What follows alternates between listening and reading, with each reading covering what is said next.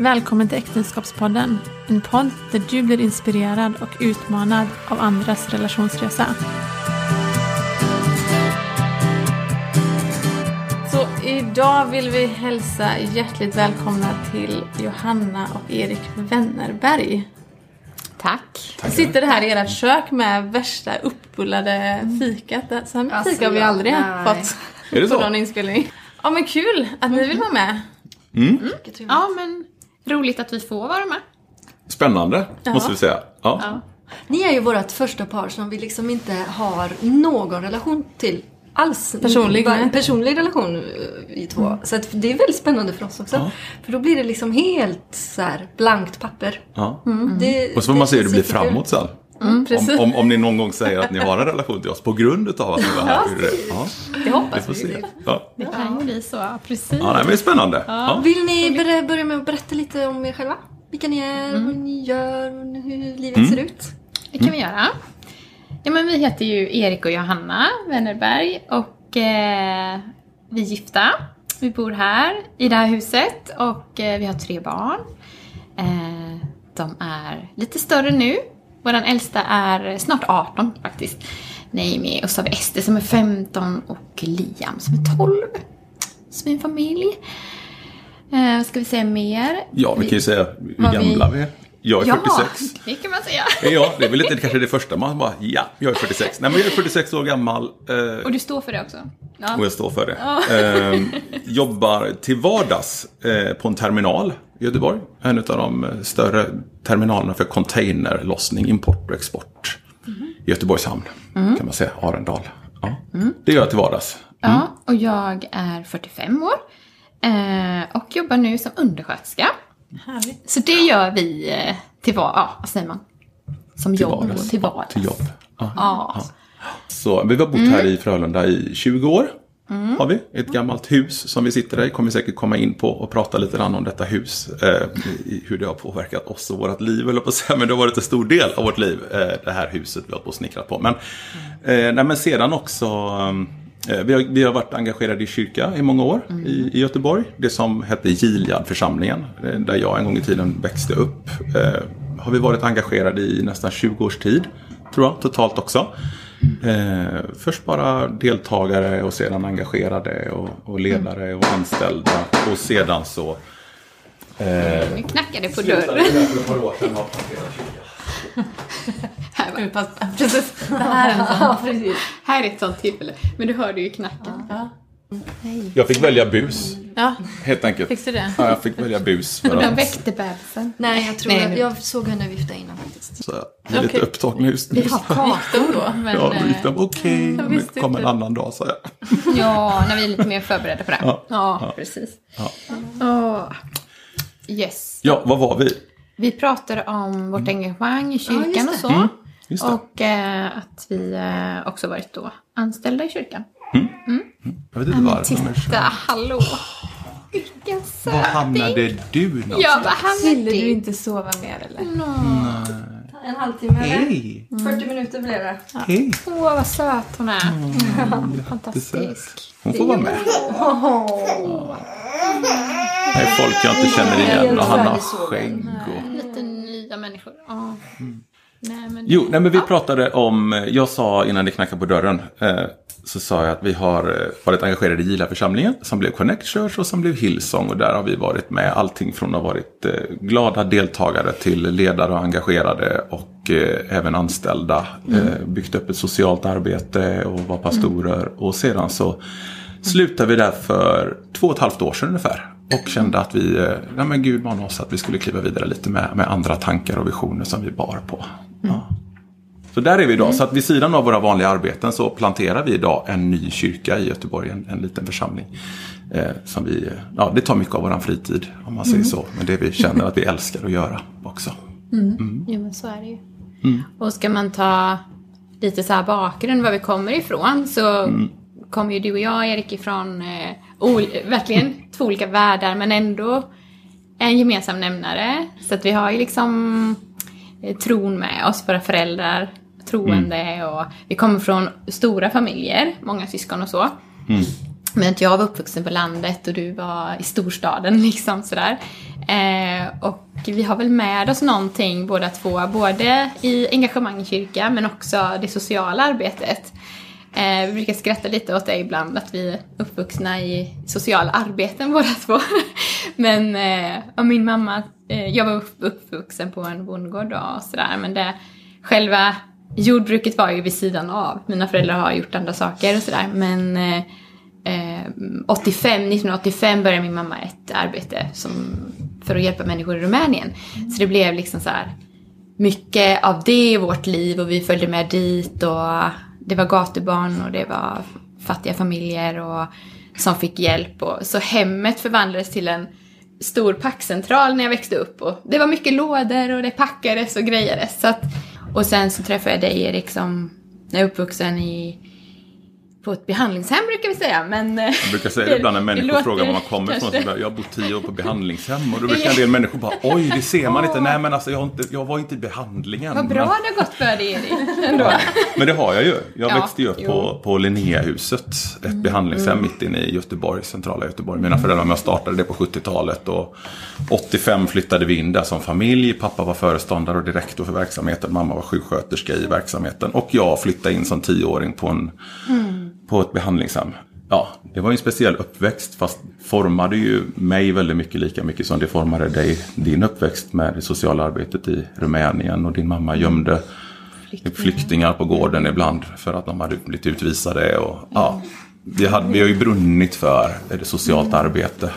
Ibland tänker man inte på det alltid utan man får stanna upp och fundera var kommer vi ifrån? Jaha, ja just vi kommer ju från det här. För det har liksom mm. följt med oss mm. Eh, in nu i vuxna livet. Har jobbat med det och sådär. Mm. Så att det har varit en naturlig del tror jag i båda oss liksom. Mm. Människor har ju ofta en väldig distans till det där. Liksom. Man vill hjälpa till men inte vara i det. Mm. Kanske. Och det har vi väl försökt eh, genom år av engagemang på olika sätt få människor att liksom förstå att amen, det värdefulla är inte bara att ge in någonting utan faktiskt vara där också och göra det. Liksom. Eh, det är vanliga människor, bara att de har en annan resa. Hur mm. träffades ni då sen? Alltså ni har mm. lite era bakgrunder men eh, hur, hur ja. möttes? Hur träffades mm. ni kära? Ja, precis. Alltså vi har känt varandra, alltså innan vi blev kära och blev ihop så hade vi känt varandra i några år. Du är från Göteborg Erik och jag är från eh, en liten by utanför Gränna. Så det är ändå några mil emellan och sådär.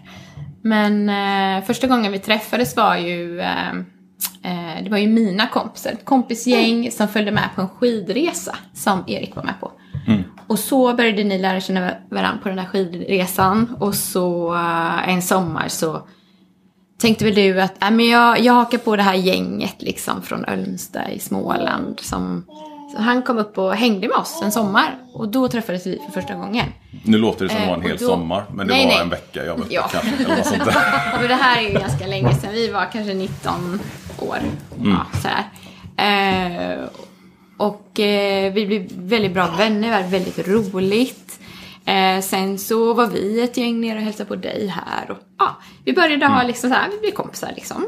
Eh, och sen träffades vi igen. Mm. på Eh, det var så här att eh, våra vänner, min kompis och Eriks kompis, eh, blev ihop och de gifte sig. Och vi blev bjudna på det här bröllopet. Mm. Så kan vi säga. Och vi blev satta bredvid varandra. och det var ju jättekul. Det var ju Erik från Göteborg liksom. Vad roligt. men där och då så under den här dagen så kan jag väl säga att jag fick upp ögonen för Erik. Lite Helt mer, otroligt. Lite mer än, äh, än bara en kompis. Så det var mm. något som hände där.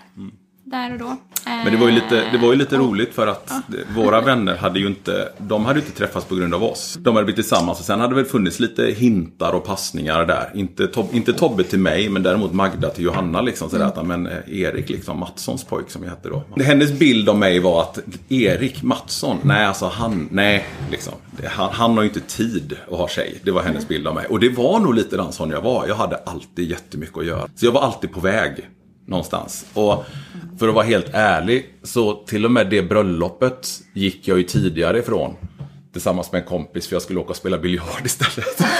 Ja, men ni fattar. Alltså, man På den nivån var det. Jag var rastlös. Jättehemskt. Men någonstans i alla fall så hade jag haft en period där jag jobbat jättemycket och inte haft något ledigt. Och där, där nämnde jag väl så här liksom att jag hade inte haft någon semester på hela den sommaren. Att jag hade tänkt att jag skulle vara ledig på hösten. Så att efter det här tillfället då när du upplevde att du ändå fick upp ögonen för mig lite grann sådär. Så, eh, så skulle Johanna flytta till Stockholm och gå skola där uppe ett år. Och då skickade hon ett flyttkort till mig. Och det här är jätteroligt. På den tiden så skickade man flyttkort. Det var inte det här att man skrev på Facebook att jag har nytt nummer och flyttar. Utan man skickade ett vykort egentligen till alla som man kände att nu har jag en ny adress.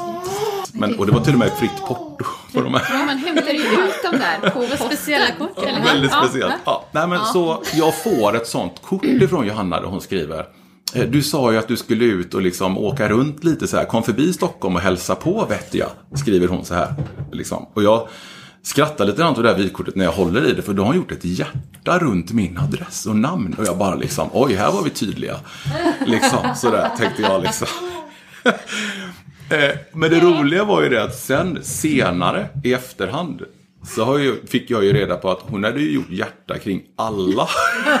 Mitt var det enda kortet hon funderade på att inte göra det på.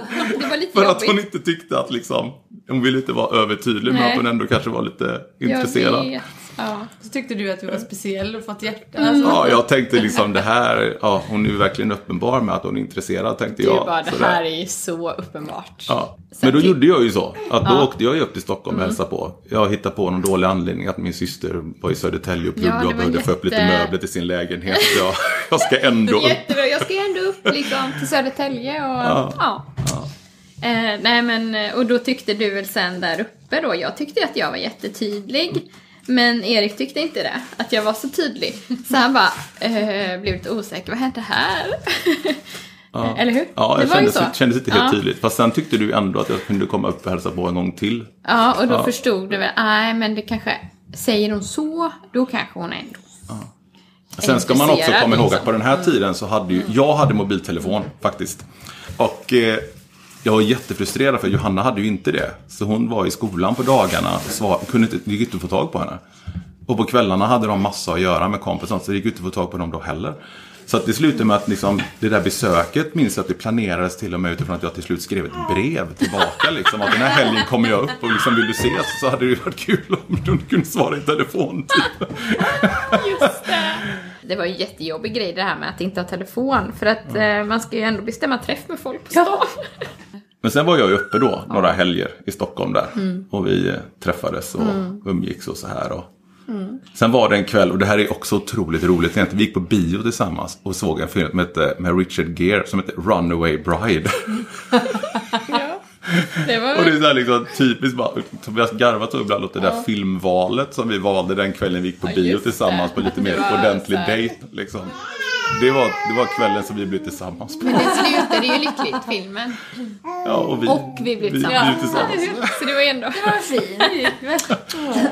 Ja. Så så var det. Och sen var det mycket, i och med att vi inte bodde i samma stad då, jag bodde i Stockholm och han i Göteborg, så var det mycket telefonsamtal.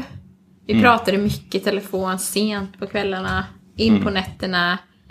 Ehm, så det var ju vår första tid när vi blev ihop. Och då Man var vi på varandra. 24 och 25 år gamla va? Tror jag. Eh, 23 och 24. Att Vi träffades pratade varannan mycket. vecka. Bestämde vi. Att vi, ja, men vi ska ses varannan vecka. Antingen åkte jag till Stockholm varannan vecka eller så kom Johanna till Göteborg. För att vi kände liksom att skulle det liksom funka och ha en relation på det sättet. Och precis det här ni vet, men på något sätt då tänker man att i början när man träffas då är man ju så här tokkär. Då vill man bara ses hela tiden. Eh, och så kan vi inte det. För att hon var i Stockholm och jag var i Göteborg. Då var det vid något tillfälle som vi hade tre veckor emellan att vi sågs. Och där alltså, det kändes ju som att, jag vet inte, det kändes som att det här, jag höll på att gå under. Jag Känner lite, igen det ja, så väl.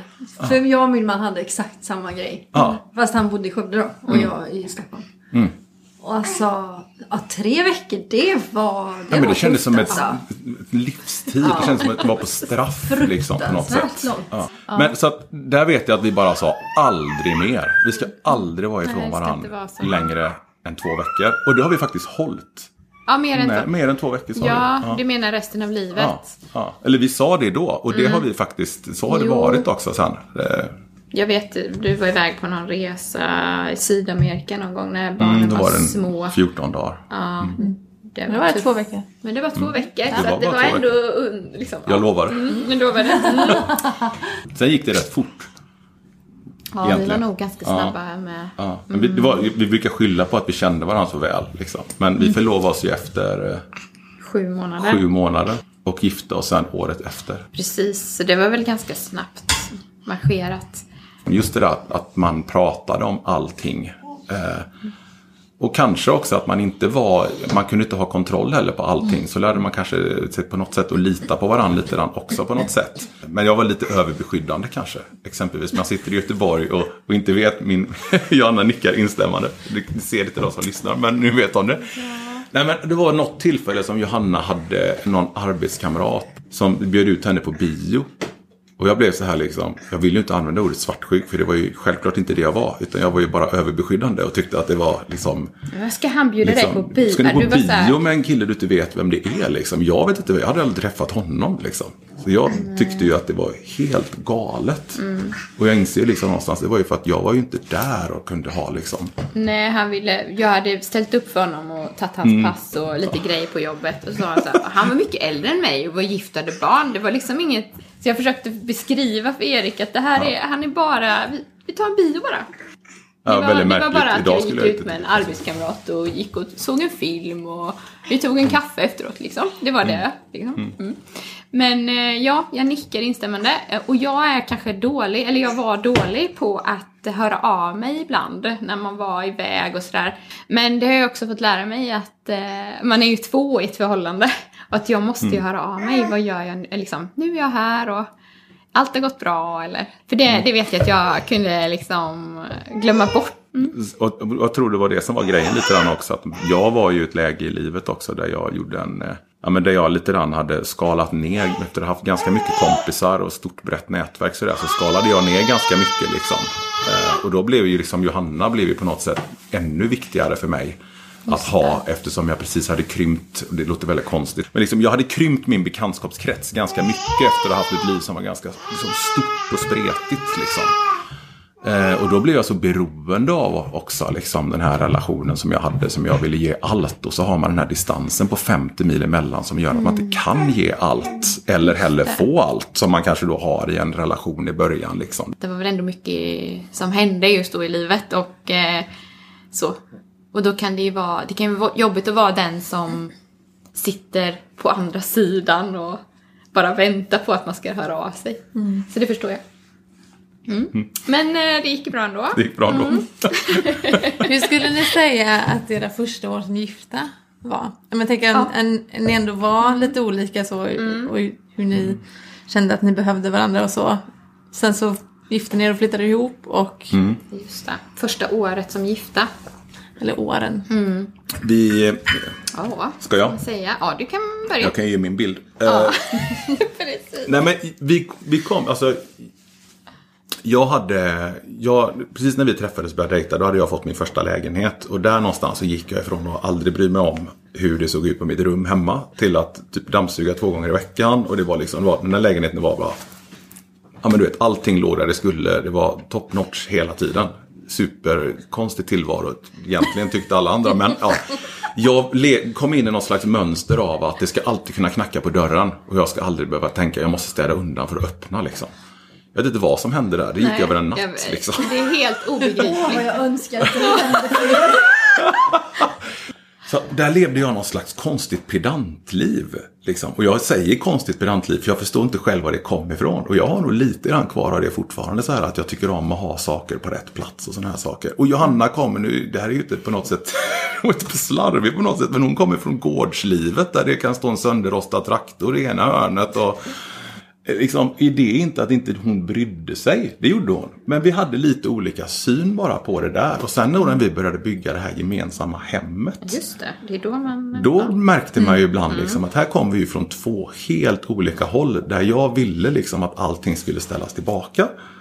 Och hon led, kan vi väl säga, det vill ju du med, men du Mm. led inte lika mycket som jag kanske gjorde av att saker inte var på sin plats. Men så Eh, där blev vi nej, nog, där blev nog ganska varse liksom på något sätt, så där bara rakt upp och ner, att Mm. här tänker vi olika. Eh, Men att då hitta det här att jag inte måste bli 100% som Johanna var. Eller att hon blir 100% som jag var eller är.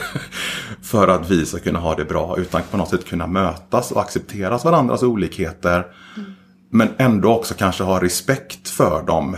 I den nivån av att eh, på något sätt låta oss vara de vi är också. Sen, Och ibland så, nu om man ser så kan ju du bara, men hallå, tagga ner lite. Det måste inte vara så städat. Kan du ju det är säga märkligt till mig aspekt. eh, idag. Men eh, så att jag tänker att vi har väl, eh, man hjälper varandra. Eh, och man gör varandra bättre i en relation. Men det är ju rent liksom hur vi var, Ja, var som personer. då. Ja, då. Eh, och, Sedan finns det ju andra delar. Alltså, Ja. Vi berättade precis här innan ju att det här huset vi sitter i nu, det, det kom ut på marknaden en månad innan vi gifte oss. En, en liksom 60 kvadratmeter stuga i Västra Frölunda och vi plötsligt bara kände att vi ska köpa det. Och genom alla möjliga konstiga öppningar så löste det där sig. Och vi kunde köpa ett hus här ute som vi har byggt till och snickrat på i all evighet. Liksom. Men då kom vi liksom plötsligt rakt in, tar lån och räntor på vad var det, 6,35. Eh, utgifterna var typ 9000 i månaden för ränta med topplån och annat. Och jag vet inte, jag jobbade på behandlingshem. Eh, Och där tjänade man utifrån att man att vi skulle ha så man bara klarade sig. jobbar med hjärtat. Jobba med hjärtat för det var liksom någonting man ville göra. Inte för att tjäna pengar. Det var det minsta som var viktigt där. Och, och Johanna jobbade 70% i tjänst med Duka Josefsson första året inom handel. Så jag minns fortfarande än idag din timlön var 69 kronor i timmen. Ja. Och liksom det var inte mycket över. Så att de första åren var rätt tuffa. Jo, Eller väldigt tuffa. Ja, det var de ju. Eh, för att vi hamnade i det här huset, kan man ju säga. för i vanliga fall kanske man gifter sig och man har en lägenhet och, ja men du vet där. Ja. Man liksom börjar bygga upp ett liv kanske.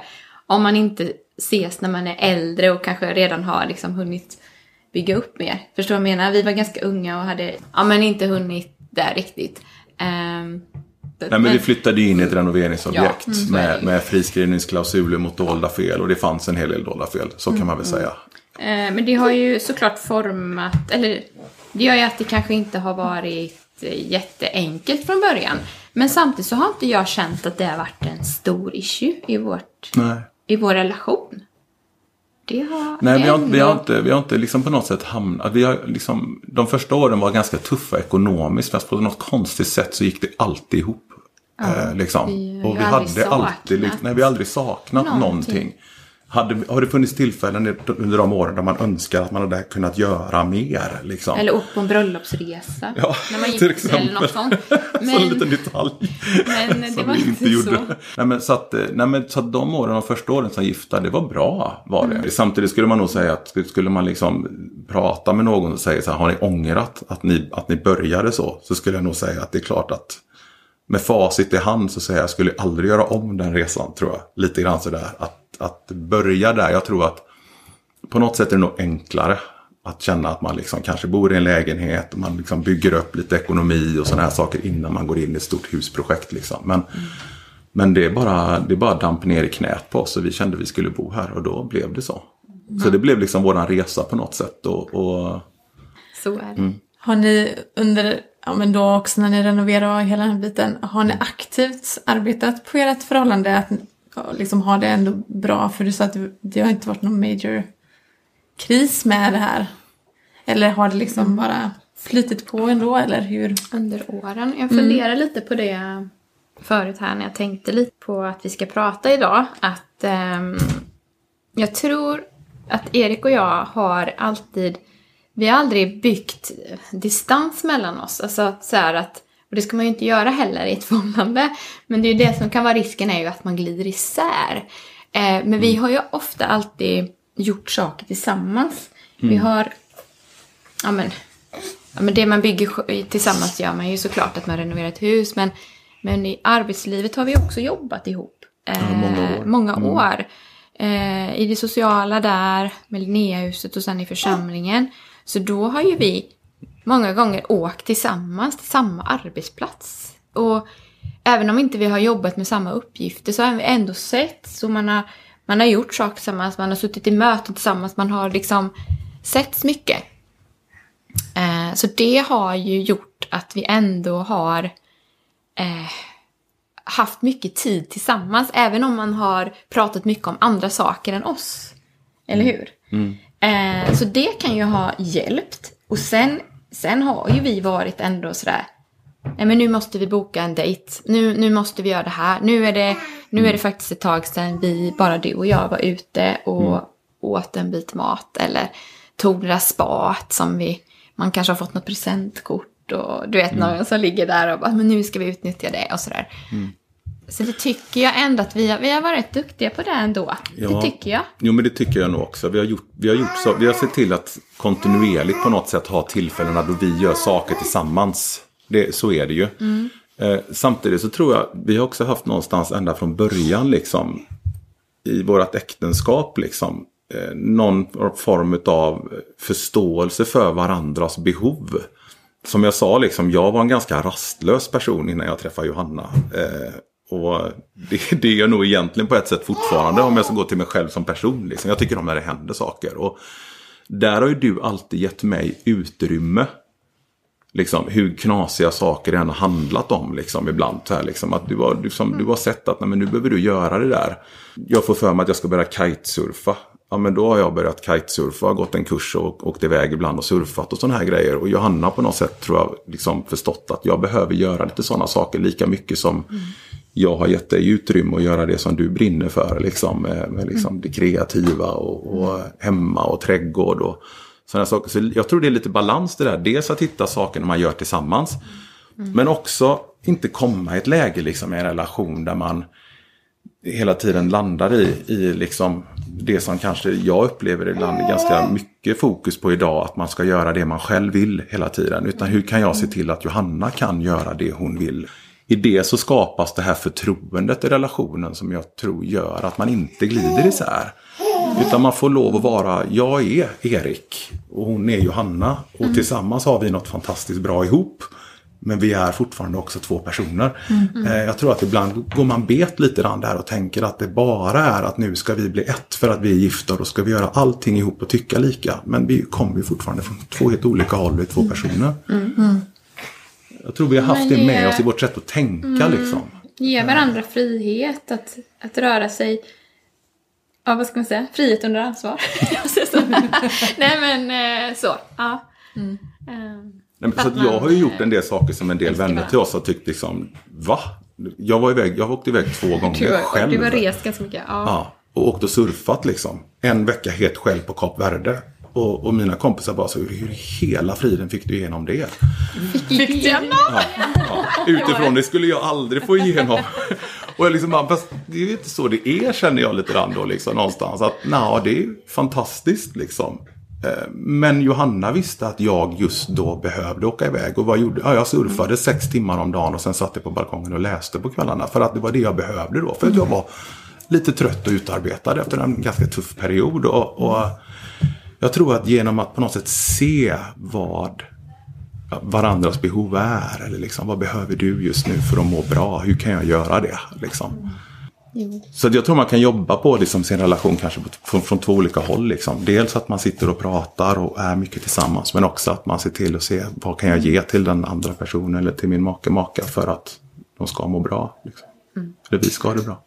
Och sen kan det ju vara så här också att man, eh, man ska ju inte bara, vi pratar ju om det här att vara ifrån varandra länge och så, eh, men eh, man kanske inte ska vara det. Eh, men ibland så kan man bara få ge varandra ett space eller någonting för att då längtar man tillbaka. Man längtar hem till sin man eller till sin fru bara för att man har, man har fått lite distans. Ibland så tror jag det är bra att göra det. Även om man inte ska vara ifrån varandra liksom för länge. Typ. Men att åka iväg så, det är inte helt fel heller. För att man kan se varandra med nya ögon också när man kommer hem. Eller sådär, man längtar och det blir lite pirr i magen igen liksom. För att man, eh, ja. Man tar inte varandra du vet, för givet. Eller man, man ses varje dag och oj vad trött jag är på dig nu. Eller sådär. Nej. Jag tänkte på, ni pratade lite grann om det här huset som ni har renoverat. Ni Mm. berättade innan också att ni bodde allihopa på en liten kvadratmeter. Mm. Hur, eh, hur tacklar ni det som familj och som Ja, par? precis. Men hur det var var ju, ja hur länge höll vi på där? Alltså vi flyttade ju. Som sagt, det här är ju, det här kommer ju aldrig ta slut Erik, det här projektet. Men eh, vi flyttade in för 20 år sedan och är ju inte klara ändå. Och eh, vi flyttade in och hade inga barn, så då är det ju ändå liksom ganska lätt. ja men, man klarar ju som vuxen att, att bo på lite sådär. Ja, allt är inte hundra så. Eh, sen så fick vi barn då. Eh, och eh, vi hade fått två, vi hade fått våra döttrar. Då gjorde vi ju en, då var ju Esti ganska nyfödd, då gjorde vi en större renovering då när vi tog in folk. Alltså du vet, lejde snickare. Men eh, sen då var ju den här övervåningen var ju inte byggd, alltså det fanns ett tak. Men det ska ju finnas golv och, ja ni vet såhär, inneväggar och så, eh, kanske. Så då bodde vi i ett eh, litet rum. Det enda rum egentligen man kunde stänga sig om. Där bodde vi ett och ett halvt år tror jag det var. Eh, med två små barn då och en, en säng, eller vad ska jag säga, en soffa som man fällde ut. Som vi sov i. Yes, där bodde vi och eh, det fanns plats för en spjälsäng och en växelsäng och så våran Och när det var... bäddsoffa då som vi fällde ut. Men sen ja. fanns det ingen plats. Nej, jag skulle precis säga, när man var- fällde ut bäddsoffan så fanns det ju ingen plats Nej. längre. Utan man kunde, man kunde sätta var ner ju- fötterna bredvid spjälsängen längst ner, men inte bredvid växelsängen. För det, liksom, det var Det ju var ju- 11 kvadrat och då var det fullt. Liksom. Så så bodde vi, men samtidigt så, jag vet inte. Det var ju så, jag var ju mammaledig. Alltså det är ju att det är en som är ledig. Eller man är inte ledig, verkligen inte. Men ni fattar vad jag menar. Det är en förälder som inte ska stressa iväg till jobbet kanske. Det kan ju underlätta. Eh, att saker och ting runt omkring inte är liksom så jättesmidigt. Men eh, Samtidigt så skulle barnen kravla runt i lite byggdamm och sånt kanske? Men så är det ju. Alltså, vi det hade, händer. vi Ja, hade ju snickare i tre veckor. Vars.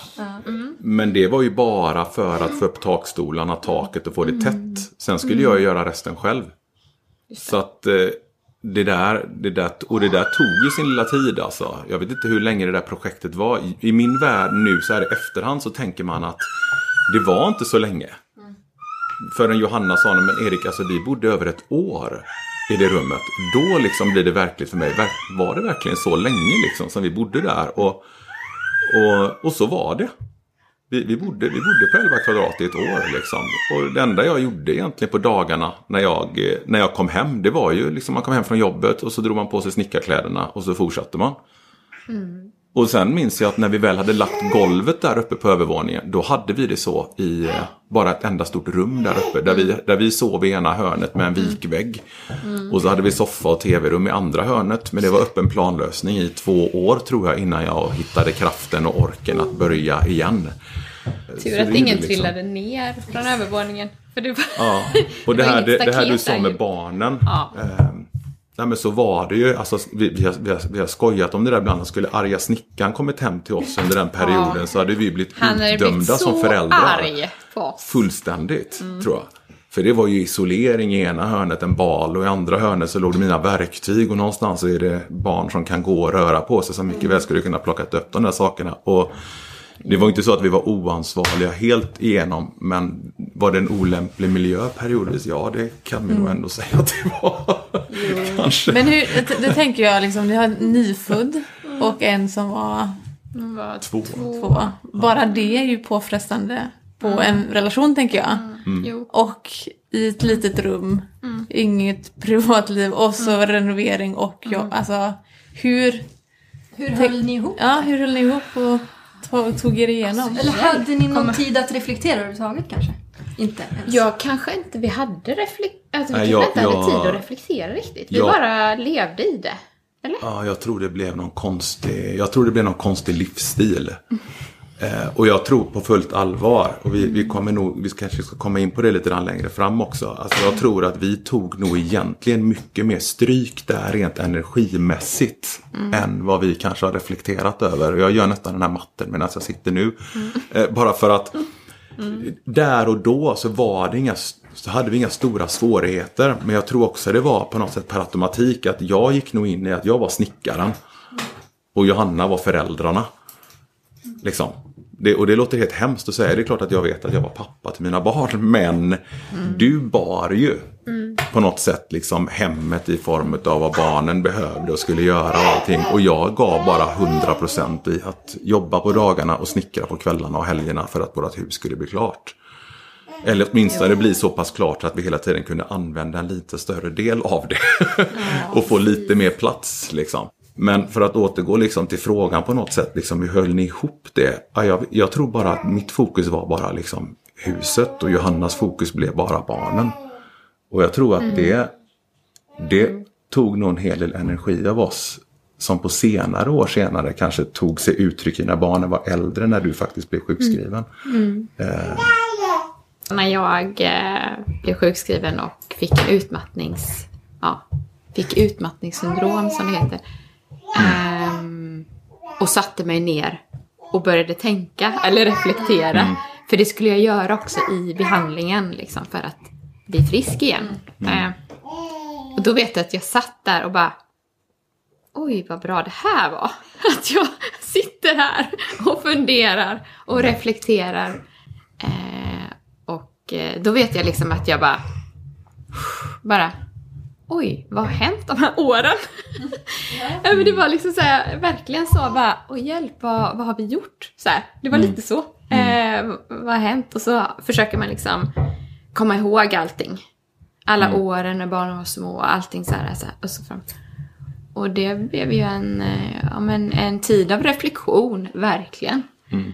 Eh, som var nyttig för mig att mm. få. Men tråkigt att det skulle behöva bli så. Mm. Att jag behövde bli sjukskriven och eh, mm. Eh, utmattad på det sättet. Eh, men samtidigt så har man gått igenom det. Ut på andra sidan. Och man har fått lära sig någonting. Mm. Eh, så man har fått en erfarenhet av, av hur det är. Men det där var ju också, var ju... och där var ju en period där vi kanske mer, tror jag faktiskt mer pratade också liksom blev ännu bättre på att egentligen prata och diskutera hur du mm. mådde.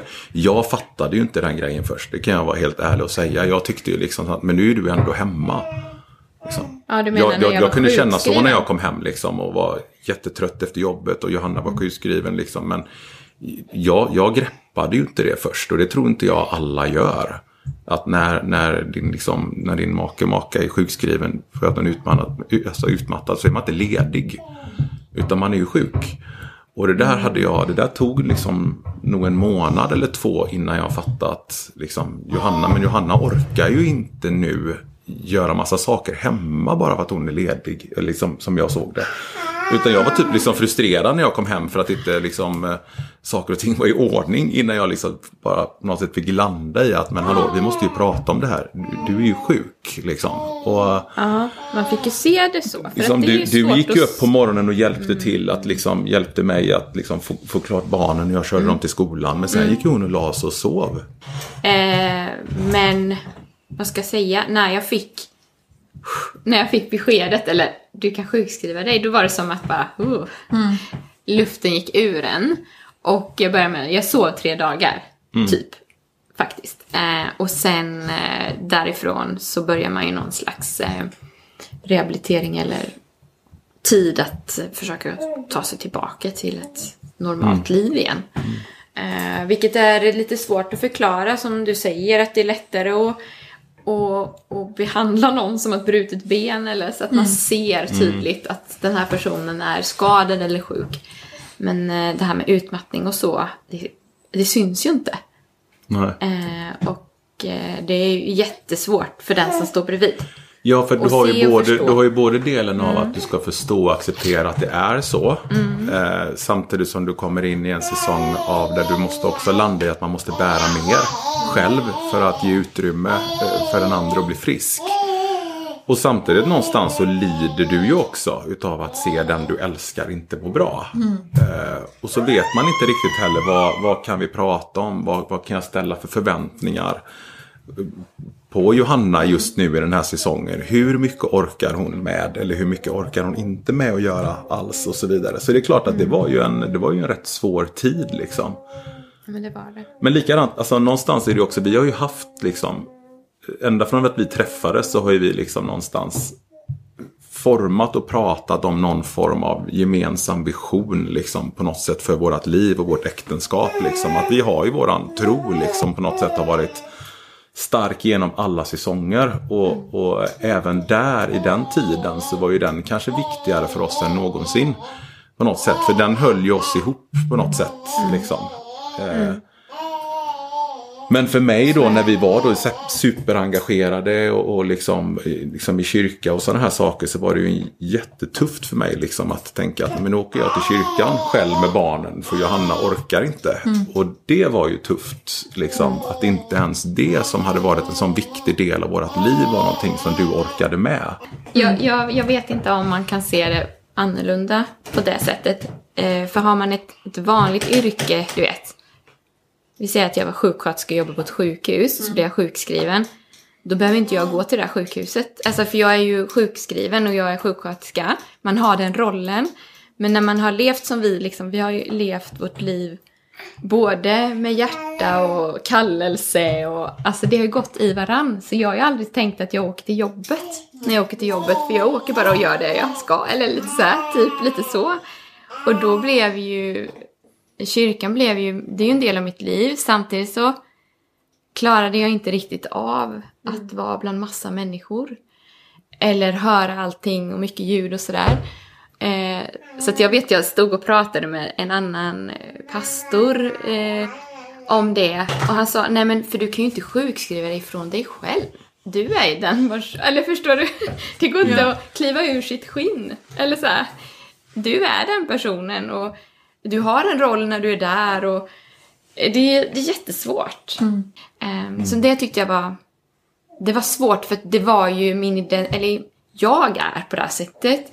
Och när man går igenom en sån här period, jag kan tänka mig att många kan känna igen sig i det, att hur gör jag för att inte vara mig själv? Eller mm. för att tagga ner nu, jag behöver vila. Jag behöver göra mindre grejer. Mm. Jag behöver verkligen lära mig det här för jag är inte duktig på det. Eh, för det tog ganska lång tid för mig att inse. Jag fick hjälp genom läkare, vårdcentral, psykolog. Jag fick träffa ment mentorer som har gått igenom liknande eh, saker. Så de fick ju hela tiden hjälpa mig att fatta rätt beslut. Att, men Johanna, du, eh, för det första ska du bli Johanna eh, nu. Mm. Du ska bli bra, du ska bli frisk. Sen ska du vara mamma för dina barn. Och du ska vara fru för din man. Det är det, det, är det första priot du ska mm. göra nu. Allt annat är bara sekundärt. Det, det, det kommer sen. Och liksom bara det här att skala av alla lager som man har, alla roller man har och sådär. Det är inte helt lätt. Nej. Och liksom bara... Och it's enough. It's good mm. enough. Så det, mm. det var ju en, en väg jag fick gå och lära mig liksom att det räcker att du, eh, du går upp på morgonen eh, och du klarar det här. It's good enough. Mm. mm. Så, ja. Mm. Så det, det, kan man väl säga att det var, äh, blev en resa att gå igenom. Och nyttigt med, tänker jag. Mm. Men svårt att acceptera när man står i det. Såklart. På något ja. sätt liksom när man är van att leva det här livet ja, med allt det här och så plötsligt bara, nej men jag klarar att vara mig just nu. Liksom. Jag klarar, ja precis. Mm. Att det, det är liksom tillräckligt. Och jag tror att många kan känna igen sig i det i alla fall, som går igenom något sånt här. För det är svårt att förklara när energin inte finns. Mm. För i vanliga fall så har det alltid varit så här, äh, jag vilar en dag. Och så dricker jag några koppar kaffe, sen är man på banan igen. Mm. Eller hur? Mm. Mm. Det är ju så för oss alla, mm. att vi har tuffa dagar och det, man är trött och så. Mm. Konstig känsla. Och att man, det är saker man vill göra och det är saker man tycker är roligt som man bara får avstå ifrån. Mm. Mm. Mm. Jag tänker att det behöver inte alltid gå till att man blir utbränd men bara att inse att men jag är jag och det är tillräckligt. Och jag, ja, men vad jag behöver vara, jag behöver mamma till mina barn, jag behöver vara fru eller man till min fru. Och det är liksom, mm. många gånger så, så låter vi kanske familjelivet vara lite vid sidan och vi kör alla andra grejer mm. full fart. Och sen, ja men vad händer med mig? Vad händer med oss? Ja och sen så idag så ges ju liksom på något sätt det högpresterande Precis. ges ju väldigt mycket utrymme och fokus idag. Man, man, ska, man ska lyckas med karriären. Man ska ha gått alla de här utbildningarna. Man, man, man ska ha tusen följare på sin in- Instagramkonto kring det man gör hemma. Alltså det, alla de här sakerna det är ju liksom på något sätt det högpresterande som ges uttryck liksom och någonstans så suddar det väl bort eller riskerar att ta för mycket utrymme utav det som faktiskt verkligen är viktigt också. Eh, det, det kan jag ju definitivt känna många gånger liksom att, att man får kämpa med. Känner jag liksom. Att man nästan ber om ursäkt för att man tackar nej till någonting för att man istället ska vara med sin familj eller, Precis. eller ta hand om hemmet eller ta hand om sin fru. Eller vad det är. Men kan ni känna att, att er relation har blivit annorlunda efter din sjukskrivning då? Att ni har kanske prioriterat annorlunda? Jag tror, Det jag tror jag. att vi lyssnar mycket mer idag. Eh, jag, jag tror att vi båda två, kanske framförallt jag på ett sätt, men har nog tidigare lyssnat och brytt mig om väldigt mycket vad andra människor tycker. Eller råder oss att göra. Där jag någonstans har idag landat mycket mer i att, nej men vad, vad känner vi för? Eller vad tycker vi är viktigt? Eh, och det blir man ju inte alltid populärast av. Men det är kanske det man mår bäst av. Ja, men precis. Det är det som håller i längden också. Att vi måste lyssna in det. Ja. För vi är ju ett litet crew. En familj är ju en... Det är liksom vårt gäng. Vårt gäng, ja. Kärngäng. Eh, och det gänget måste ju funka. För Precis. att det stora gänget utanför alltihopa ska funka också. Mm. Så det, det är väl något man eh, verkligen har lyssnat in i. Och alla, alla, alla, man har ju olika säsonger i livet liksom.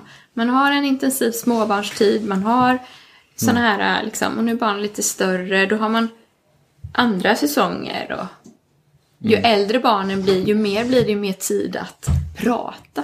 Sitta och prata med sina barn. Eh, det är inte så mycket det här passandet att de ska inte äta upp massa konstiga saker. och de ska överleva de första åren. Liksom. Eh, till att eh, tänka, oj nu måste jag ju ta mer tid här i samtalet. Och tonåringarna kommer och man, Ja. det är inte alltid, det är just när jag har tid att prata som samtalet blir utan det kan bli när som Men helst. sen har vi väl lärt oss mycket också. Jag tror att om man, gör, om man liksom på något sätt tittar i backspegeln lite grann. Så tror jag att, att eh, det som vi förr tyckte var lite grann modellen. Eh, så försöker vi idag kanske hjälpa människor att se den tiden som vi kanske på ett sätt försummade lite grann med, med våra barn. För att vi var, vi hade, vi var extremt engagerade liksom, som, som ledare i det som vi var en del av. Och i det så gavs det prioriteringar i vårt liv väldigt, väldigt långt fram. Vilket man i efterhand, tror jag nu när man sitter och pratar med barnen och med våra större tjejer och så här, liksom inser liksom att men, här la inte vi tillräckligt mycket tid med familjen liksom. Och, och det, där, det där kan ju vara utmanande att sitta och titta på det. Man bara känner att här, här var en period i livet där jag borde varit mer hemma. Varit en mer närvarande pappa. Liksom, eller mamma för den delen. Eller där våra barn bara åkte med i vårat renoveringsliv här hemma och vårt engagemangsliv i den, i den kyrka vi var med i. Och, och eh, jag säger att någonstans att tack vare det så som på något sätt har våra barn fått vara med om massa fantastiska saker. Och samtidigt så ser vi att vi kanske har försummat andra saker som idrotts och föreningsliv och skola och sådana saker. Inte så att det inte är bra men ändå på ett sätt där man kanske borde ha lagt mer fokus. Jo, För då har vi pratat ganska mycket om liksom, till unga vuxna i, i datinglivet och allt det där liksom. Eh, råd och tips och så vidare. Nej men precis, vi är verkligen inte perfekta. Och, eh, men det är också, har man gått på några nitar i livet, då vet man ju också vad det handlar om och eh, kan vägleda andra. Tänk så här istället och var rädda om, var rädda om er liksom. Mm. Och jag tänker att varför vi har klarat det ändå bra, vi är gifta än idag. 20 år. 20 år nu det här år. året. Och det är nog för att vi ändå pratat mycket med varandra. Ehm, Vi har inte hållit eh, inne grejer utan vi har ändå pratat mycket med varandra. Och det, Eh, det har nog hjälpt. Mm. Att man ventilerar mycket och, och sådär. Även den tiden då du hade svårt. Då när jag var sjukskriven. Men det var ju också för då kunde du också prata med någon. Mm. Som kunde råda dig att nu är det så här. Och Mm. så vi hade ju mycket hjälp ändå runt liksom. Mm. Runt det hela. Jag tror att när Johanna var sjukskriven, dels den första delen av, att- av att bara acceptera att min fru är sjukskriven. Liksom. Det, det tog nog ett par månader tror jag. Sedan till att förstå att det kommer ge sig uttryck för mig i att jag har mer att göra. Liksom, här hemma. Liksom. Måste jag, och jag måste på något sätt också sänka mina krav på något sätt i vad jag tycker. Liksom, som vi pratade om lite tidigare. Liksom, återigen liksom, det här liksom, av, av vad jag tycker är okej. Hur det ser ut hemma. Eller i hur, jag tycker, hur mycket jag själv då orkade att göra av de sakerna. För att hålla ihop det liksom. Så jag tror bara att jag kom in i någon form av eh, sätt att tänka och leva. Där jag insåg att nu har jag en period framför mig. Där jag kommer behöva ta mer ansvar hemma. Mer ansvar kring barnen. Och acceptera mer att det är som det är. För den säsongen det är nu. Helt enkelt. Och sen tror jag ju längre in vi kom i det. Så tror jag också att jag kom in i att vilja ge det så mycket tid det bara gick. Jag minns att när du sen skulle börja gå upp igen på 25 så här och börja arbetsträna för att komma tillbaka. Då var jag ganska på att inte vilja det. Jag tyckte liksom, nej men nu tycker jag det går för fort. Och då var, pratade vi ändå nästan bortåt två år va? Ett och ett halvt år.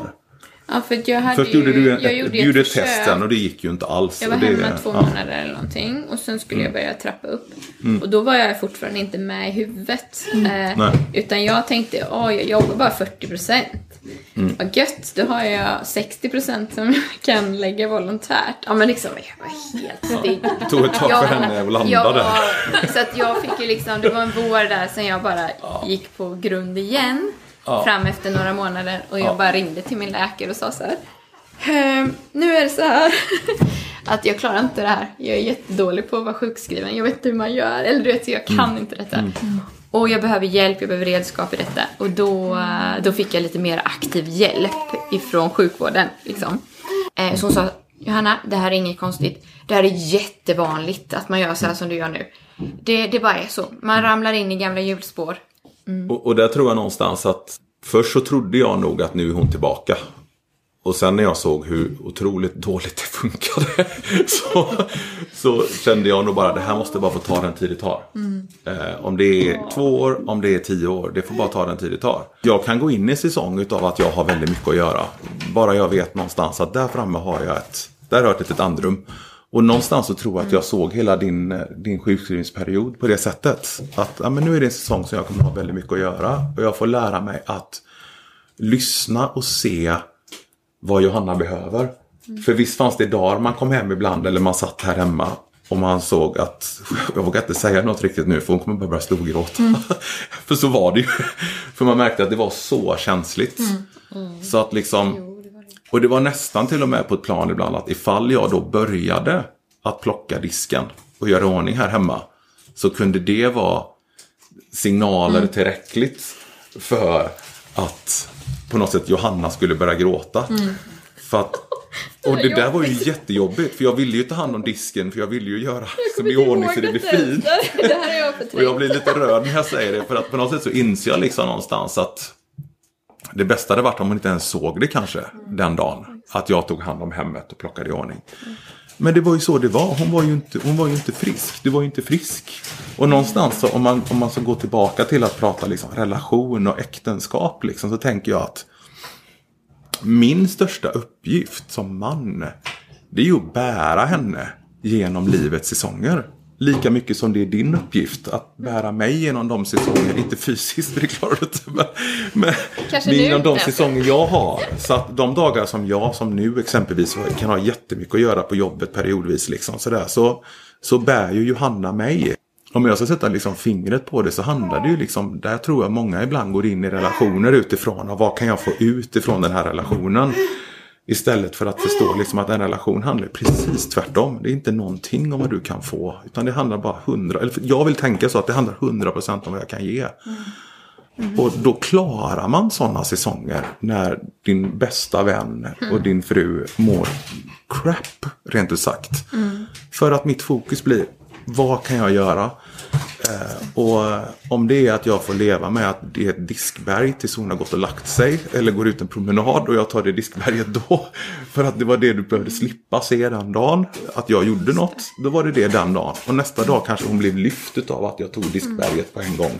Och det var positivt. Den, det var en svår navigering. Men där man fick känna av lite. Man kände väl det när man kom hem. Vad är det för atmosfär här hemma idag? är det här Lite nu? grann så. Ja. Jo, men så, det var säkert så. Jag, jag tror att jag har förträngt lite av den här tiden. Ja, det tror jag med. det är nog bra. Jag tror det är bra. Eh, att jag har gjort det. Nej, men, eh, men så var det väl. Alltså att man, man är otillräcklig. Det är ju där man känner liksom att man... För det, för det var ju någonting som vi gick igenom i den här perioden att jag...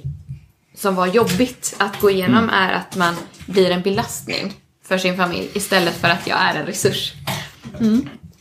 Eh, Så det var ju Och det gav ju sig kämpigt. Mm. olika uttryck.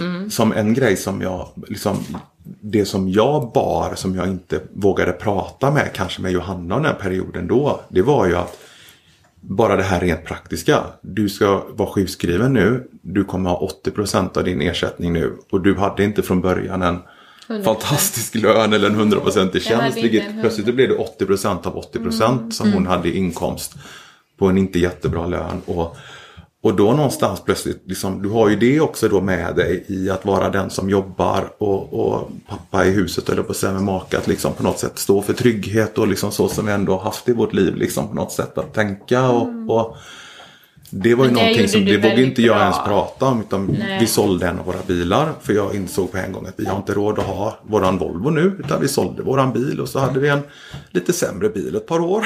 Åkte runt i den höll ihop. Men den funkade. Startar ju varje dag. Den startade varje Det dag. det var prio liksom på något sätt. För det viktiga var ju att Ja. du skulle bli frisk. Inte huruvida vi hade eh, den där Volvon som jag tyckte så mycket om. Liksom. Utan det var ju ett enkelt val. Men det var, ingen, det var inte så att det var en diskussion här hemma. Hur ska vi ha råd att ha kvar Volvon? Nej, det var inte det det handlade om. Utan nej, men det här är bara en praktisk... Det här är, det här är en, en, en praktisk konsekvens av att just nu så, så Det mår gjorde du inte bra. ju liksom. du väldigt bra. Eh, kommer jag ihåg. Alltså jag eh, behövde aldrig fundera eller oroa mig för det. För du, du gjorde det bara och det var liksom inga diskussioner och du gjorde ju förutsättningarna för att det här ska gå vägen. Ja. Och det gav ju mig liksom tröst på ett sätt att ja, det här kommer gå bra. Eh, och så var det en vän som sa till mig så här, för man kan ju bli så här, hur länge ska det här hålla på? Ingen aning. Och då sa hon så här, men Johanna, om det är ett år av ditt liv, vad, vad är det? Mm. Det är ju det är ju liksom jättekort tid om man jämför med en hel livstid. Och jag bara, ja det har du faktiskt rätt i. För först var jag stressad över det och sen bara landade jag i det och nej, fick lite större perspektiv på det och då tänkte jag, nej, vad gör det? Egentligen ingenting, utan att det viktiga är att man får den tiden det behövs för att komma tillbaka. Mm. Så det var jättebra. För att eh, man själv är så duktig på att lägga på sig grejer, lägga på sig ett ok. Speciellt som kvinna kanske och, och, och jag borde veta bättre. Ni vet, de där Precis. tankarna. Och det blir nästan skam över att vara sjuk i det här. Det hade varit bättre att jag hade blivit sjuk i något annat. Precis, men Det det, var en det. skam över det. Exakt, och det är väl jätte Ja. så dumt. Som Så gör att det blir värre. tankar och Ja. det blir värre liksom. Men sen så fick jag, jag fick så mycket hjälp att prata om det så att jag liksom fick bort de tankarna. Och eh, jag vill bara säga det till de som lyssnar att, som går igenom samma sak. Att eh, ta bort de tankarna. För de tankarna kommer ju. Det är ju mitt fel. Alltihop. Och var det någonting som vi pratade om egentligen, tror jag, då, Mm. under den tiden, så var det ju just de sakerna. Ja, Men sen successivt så började du komma igenom det. Du tog dina promenader i skogen och, Mm, det var och mycket liksom, skogen. mycket skog, mycket gröt. Åh, vad bra det var. Ja, det är så bra. Ja. Det är så fint. Man eh, återskapar sin hjärna på något sätt när man är i skogen. Så, ju Så då märkte jag ju, då kom ju, det började ju successivt bli en skillnad också. Mm. Någonstans. Det började bli lite mer studs när man kom hem liksom. Och, ska vi göra det här? Och då var man ju så bara, eh, ja, gärna. det, det gör jag gärna. det fanns energi igen att göra någonting plötsligt liksom. Och då, då var det ju liksom, då var man ju inte sen på att nappa på det. Nej. Jag tänker när jag hör på er att ändå vilken lyhördhet från dig Erik och sen när du ändå fattar alltså, hur du ska tänka. Lyhördhet till, till sig själv och till varandra. Och jag tänker att det nog är väldigt viktigt. För annars, annars så blir det ju lätt kanske att man bara stångas och tycker att det borde och du borde, jag borde, vi borde. Mm. Ja, men precis. Men jag tror att det har kanske lite grann att göra med, med eh, kanske gå tillbaka till våra uppväxter. Liksom. Någonstans när jag jobbade på behandlingshemmet som behandlingsassistent så, så handlade det ju väldigt mycket om att sitta i samtal liksom, med de som var på behandlingen. Hur mår du? Liksom, och sitta och lyssna. Mycket mer än att kanske tala, men mer att lyssna. Och, och likadant för dig liksom, i, det, i det sociala arbetet som vi jobbade och byggde upp i kyrkan med, med träningsplats för allting från folk som gjorde eh, samhällstjänst och, och långtidsarbetslösa och utbrända. Och, och så här liksom, så handlar det ju också om att lyssna. Och någonstans så tror jag att tack vare det så har vi haft med oss ganska mycket i, i det. Och ibland, ibland handlar ju lyssna inte om att sitta ner i soffan och lyssna. Utan det är ju också att känna. Bara liksom hur någon är i sitt sätt att kommunicera, i energi, i vad man får för respons när man säger någonting, i, i kroppsspråk. Och, så det är ju både se och känna eh, och lyssna liksom på något sätt, rena, alltså vad man säger också. Eh, vi, liksom, folk frågar oss liksom, har ni haft någon sån där riktigt praktgräl någon gång? Någon som har frågat någon gång? Nej, men alltså vi, vi kan gå tillbaka. Vi, vi har varit tillsammans liksom i... i Jag kom på en grej bara. Ja, det kan Men ja, ja, var men- något som gick sönder. ja, det var något som gick sönder. Men, men En del av huset. en del av huset sönder. Oj! Väldigt utagerande irritation. Men, men, men det är väl en gång Nej. kanske då. Men, men liksom, Det får man ju vi har, ha det har också. aldrig varit så här liksom, du vet, så att vi, man, man bara tappat det. Mm. Där vi har varit så här, skogstokiga, arga på varandra. Liksom. Har vi haft olika åsikter ibland? Ja. Ja. Men det har aldrig varit de här grälen där liksom man bara försvinner eller liksom inte kan mötas. Eller, och det tror jag beror lite grann på att vi har haft någon form av hyfsat jämn nivå i hur vi lyssnar och, och pratar. Och, sen var det en gång då som jag gick ut i, i lillstugan. Jag, jag gick ut ifrån vårt bostadshus, gick ut i lillstugan till min verkstad. Det är lite grann som Emil i Snickerboa kan man säga. Men, men där Då jag, vi- då då var det, då var det, då var det, jag kommer inte ens ihåg vad det gällde. Jag var Nej. jätteirriterad på någonting. Eh, och Jag dörren till tvättstugan stod öppen och jag bara, den var bara i vägen för mig. Så jag bara smäller igen den här dörren. Då lossnar precis hela, hela spegeln. Så halva dörren försvinner. Det såg ungefär som en, ett sån här bås för en häst i ett stall. Så dörren var stängd men man kunde fortfarande liksom titta in genom ett en kvadratmeter stort hål in i tvättstugan. Och jag sa inte ens någonting om det. Utan Nej, jag jag frågade Johanna Jag dagen upptäckte att efter. dörren var halv och så tänkte jag, ja det var då det hände, tänkte jag. För Vad hände här? Minns att du sa. Jag, bara, ja, jag stängde den lite hårt. Jag, Igår. Eller när Igår. Det var. Jo, nej men det är klart att man kan vara oense och många gånger när vi har de eh, grejerna, det är ofta för att någon har lite energi. Eller hur? Och är känslig. För då är det också som, som jag tänker så här när man varit gifta ett tag, man vet ju precis den andres ömma punkt. va? Jo, exakt som syskon vet vad de ska sätta in liksom. Ja men det blir ju, det är alltid diskussion om någonting som kan vara lite, men det kan vara vad som helst. Eh, att jag är slarvig, det kan ju vara det. Nej. Jo, att jag inte plockat upp. Och Nej, så, nej. nej men det kan vara vad som helst. Och sen så bara, då bara rinner det över. För att man själv inte har energin. Fast en Men det annan kan ju dag vara att man inte det har ätit jättebra. eller vad som helst. Ja, Det, det, alltså, men ofta är det ju det, att man är lite obalans. Ja. Då borde man ju bara sätta sig ner, du behöver äta någonting. Ja. Vi, har, vi hade ett par som hade just den grejen. De, när de märkte att de började bli lite irriterade, de bara okej, vi går och äter och så tar vi det här sen. Och sen så är det ju ingenting. nej. Det är bra tips. Och det, och det är nog, jag skulle verkligen vilja stryka under det. Men sedan tror jag också att, att, att eh, det här med kommunikation är, det är superviktigt att prata med varandra. För många gånger så tror jag att vi tänker så mycket själva. Och man är klar med ett resonemang i huvudet eller med en planering. Men så har man bara inte, man har bara glömt den här lilla detaljen och inkluderat berätta det de för sin fru eller- eller, sin man. Att så här tänkte jag att vi skulle göra idag. Och då blir Ah. plötsligt allting presenterat som att ja, det här är vad som står på schemat idag. Och så, fast vänta lite nu, alltså det här har inte jag ens hört. Jag behöver göra det här idag.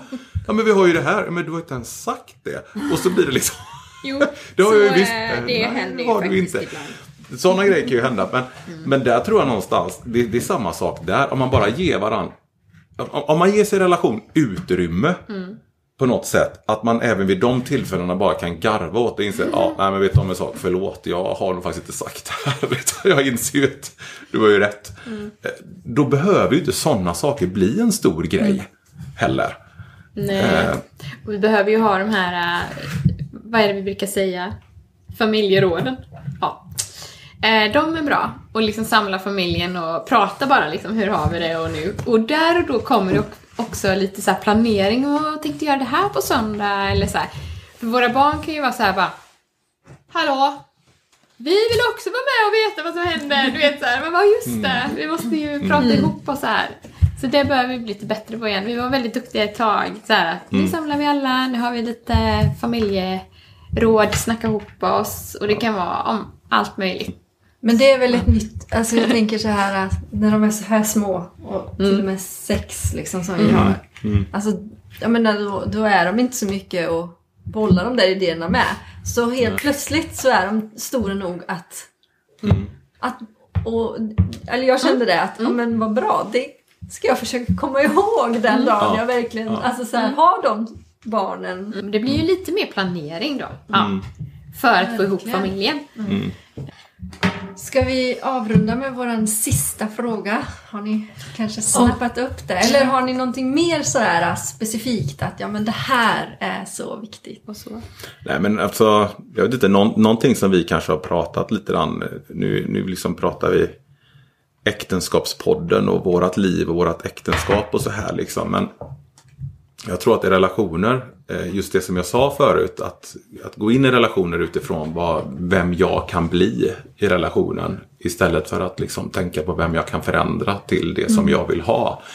Det är någon sån här grej som vi har haft lite grann som nästan ett, ett motto när vi pratar med yngre människor som dejtar och, och allt så här liksom. att man kan ha den här listan. Jag vill att personen jag ska träffa ska vara det här och det här och det här och det här. Och plötsligt så inser man att det finns ju inte någon som matchar det här. Men att istället bara vända på allt det där och tänka hur ska jag kunna bli allt det här för någon. Och tar man med sig den inställningen in och den, jag är inte säker på att jag hade den inställningen när, när vi träffades. Men jag inser någonstans att det är nog så jag har summerat det i efterhand. Liksom, att hur kan jag bli bäst för Johanna? Liksom, att börjar jag tänka så istället så, så blir det väldigt generöst. Liksom. Det blir väldigt generös eh, liksom, relation. Eh, så att det kanske är liksom här bara skicka med liksom, till alla, alla där ute Alla som där funderar på vem de man ska träffa. ska eller hur man ska vara. Så. Ja, men bli, bli det bäst, den bästa. Lev generöst gentemot den du Ja, har i lev ditt liv. generöst och, har du inte träffat någon så, så jobba på dig själv och bli allt det där som du själv vill se Mm. hos en blivande Mm. eh, partner. Eh, för vi har saker att jobba på i våra liv. Mm. Är Det det. har vi alla. Och, eh, och det är det som är så häftigt när man träffar den man gift sig med eller den man vill leva med. Liksom hur vi skärper varandra och man slipar varandra och vi får göra varandra bättre. Mm. Du gör mig bättre. Mm. Eh, och eh, jag gör dig bättre på ett annat plan kanske. Och så. Smart att bli påmind om det ibland. Mm. För att det är så lätt att vara i vardagen och bara livet snurrar på. Mm. Och man är ju, alltså, man är ju lite egoistisk. Ja, men väldigt mycket skulle jag säga. Någon gång när jag och min man bråkade så- och efter det så insåg man ju att ja, men, när man bråkar så är det ju oftast för att jag vill att vad jag vill ska bli. Så det är ju oftast alltid utifrån en egoistisk som bråk och alla de grejerna. Men tänker man då att nej men jag vill ju ditt bästa. Mm. Då blir det ju en annan tankeställare i. Ja, och generositet på det sättet kommer ju alltid tillbaks. Mm. För jag tror det har med på något sätt med bara gott förvaltarskap att göra. Jag, liksom, jag har fått en relation att förvalta. Liksom. Precis som man kan ha ett företag att förvalta eller en ekonomi att förvalta. Eller vad förvaltar jag det bra så kommer det ge avkastning. Liksom. Och så tänker jag på relation med kanske. Att liksom, förvaltar jag det här bra så kommer det ge en avkastning tillbaka till mig i mitt eget liv med. Liksom. Precis, man brukar ju säga det. Vattnar du gräset så är det grönast hos dig och inte Ja. hos grannen. Ja. Ja, men Där du står. Ja. Ja. Precis. Så, Gräset är grönast där man vattnar det. ja. Det var en bra, en bra avrundning. Vad, eh, vi brukar ju alltid avslöja, eller avsluta, inte avslöja. Jag sa nog samma sak häromdagen. Igår var jag var helt... Jag, skyller på amningshjärnan. Eh, vi brukar avsluta med att eh, man får säga vad är det bästa med sin respektive. Så Erik, vad är det bästa med Johanna? Det kan vara flera saker. Ja, ja, absolut. Ja, men jag måste välja en grej. Nej, men, det är, ju- det, nej, men vad är det bästa? Mm. Nej, men jag tror att eh, jag tror att det bästa med, med Johanna, eller det som hon är bäst för mig, det är nog eh, att trots att det har gått 20 år så är, är det en sak som aldrig har slutat förändras och det är att vi har fruktansvärt roligt ihop. Att hon är, jag ska inte säga, att du alltid är glad, men det finns alltid en vilja till att ta sig till en plats där man är glad. Och det var det som jag för första gången liksom föll planka för, på så här pladask för. Det var att nej, men denna galet positiva, glada tjej som bara fick mig att skratta. Vi har sjukt roligt ihop. ja, det har vi faktiskt. Ja. Det innebär inte att det inte finns dagar när man kan vara lite halvgrinig. Men, men liksom, nej men det ska jag säga det som är bäst är att jag, jag, när jag, har, jag blir alltid glad. Glad att se dig, glad att vara med dig. Du, du leder alltid mig till en plats där jag gör de viktiga sakerna. Kanske. Vad det gäller utifrån relation och vårat liv och våran tro och allting. Ja. Wow. Vilka fina tankar du har. ja, jag har varit uppe halva natten. Fantastiskt. Ja, jättebra. Ja. Eh, nej men Erik. Jag skulle också fundera lite över det här då. Men alltså du är ju ett trygghet. För alltså, jag är så trygg med dig. Du är trygghet. Utstrålar en trygghet. Eh, jag är säker. Jag kan lita på dig till 100%. Och eh, jag är så glad för dels att vi är bästa vänner också, men att där du, där man säger när man gifter sig, alltså där man står och lovar varandra. Du, du lever som du lär också. Det är inte bara något som du har sagt eller det här ska jag göra, utan du tar ansvar för mig och barnen. Och eh, ja, det, det gör det verkligen. Ehm, och sen är du väldigt duktig på det här med att mitt i, liksom, det händer mycket, eh, det är mycket runt omkring, så tar du ändå tid. Du tar tid för att prata med människor, du tar tid att se mig mitt i alltihopa. Och eh, du kan också vara duktig på att ta en liten paus mitt i allt när det är mycket att göra. Och det tycker jag är väldigt, det har jag lite svårt för ibland. Men då får jag haka på dig och du lär mig. Och liksom ta den där kaffen mitt i, vi säger att vi ska storstäda och det kommer gäster om bara, du vet. Tiden går och man är lite stressad, men du vet ju hur det kan vara. Och så... Poddar och sådana här grejer. Nej, det kommer folk liksom. Och jag känner huset är upp och ner och då tar du ändå liksom, nej men nu tar vi en kaffe. Och så sätter man sig ner och så bara andas man lite. Och det är du väldigt bra på. Och, eh, och så pussar du mig och kramar mig mitt i alltihopa. När det är stressigt. Och du tar vara på det. Även om det är mycket runt omkring. Och det uppskattar jag. Och så har du ett stort hjärta för människor. Det tycker jag också väldigt mycket om. Några grejer, Alva? Tack hjärtat. Uppskattar jag hos dig, Erik. Tusen, tusen tack att ni har varit med. Tack för att vi fick vara med. Och vi måste ju säga tack till er att ni har den här podden. Som eh, man kan få hänga in och lyssna på och man får så mycket från alla dessa par som ni träffar. Som är, vi sa det här innan vi drog igång liksom, vanliga människor inom citationstecken, vilka är det liksom? och eh, blandat med experterna ni tar in. Så det blir en väldigt bra blandning och man får med sig Mm, jag tror att den kan vara, alltså eran podd är till stor hjälp för många. Kul. En jätteförmån att få vara med. Absolut. Eh, man tänker, jag tror att man kanske lätt tänker så här liksom. Vilka är man att ha någonting att bidra med? Och så mm. kanske man inser någonstans nästan själv när man sitter och pratar att men det är klart, liksom, vi är superlyckliga, vi är superglada och, och vi har gått igenom en del säsonger i livet där det kunde gått åt ett annat håll. Men man inser ju liksom någonstans att det är ju det som är livet och det drabbar ju alla andra också. Mm. De där säsongerna. Och om vi kan hjälpa någon att navigera i det genom att kanske se på den säsongen lite annorlunda eller tackla den lite annorlunda. Så är det ju ingen gladare än oss på att människor håller ihop mm. genom säsongen. Precis. Mm. Ja. Så tack så jättemycket. Ja, vi tackar. Tack för att du har lyssnat idag. Gillar du det du hör så lämna gärna ett eh, omdöme och glöm inte att följa oss på sociala medier. Hej då!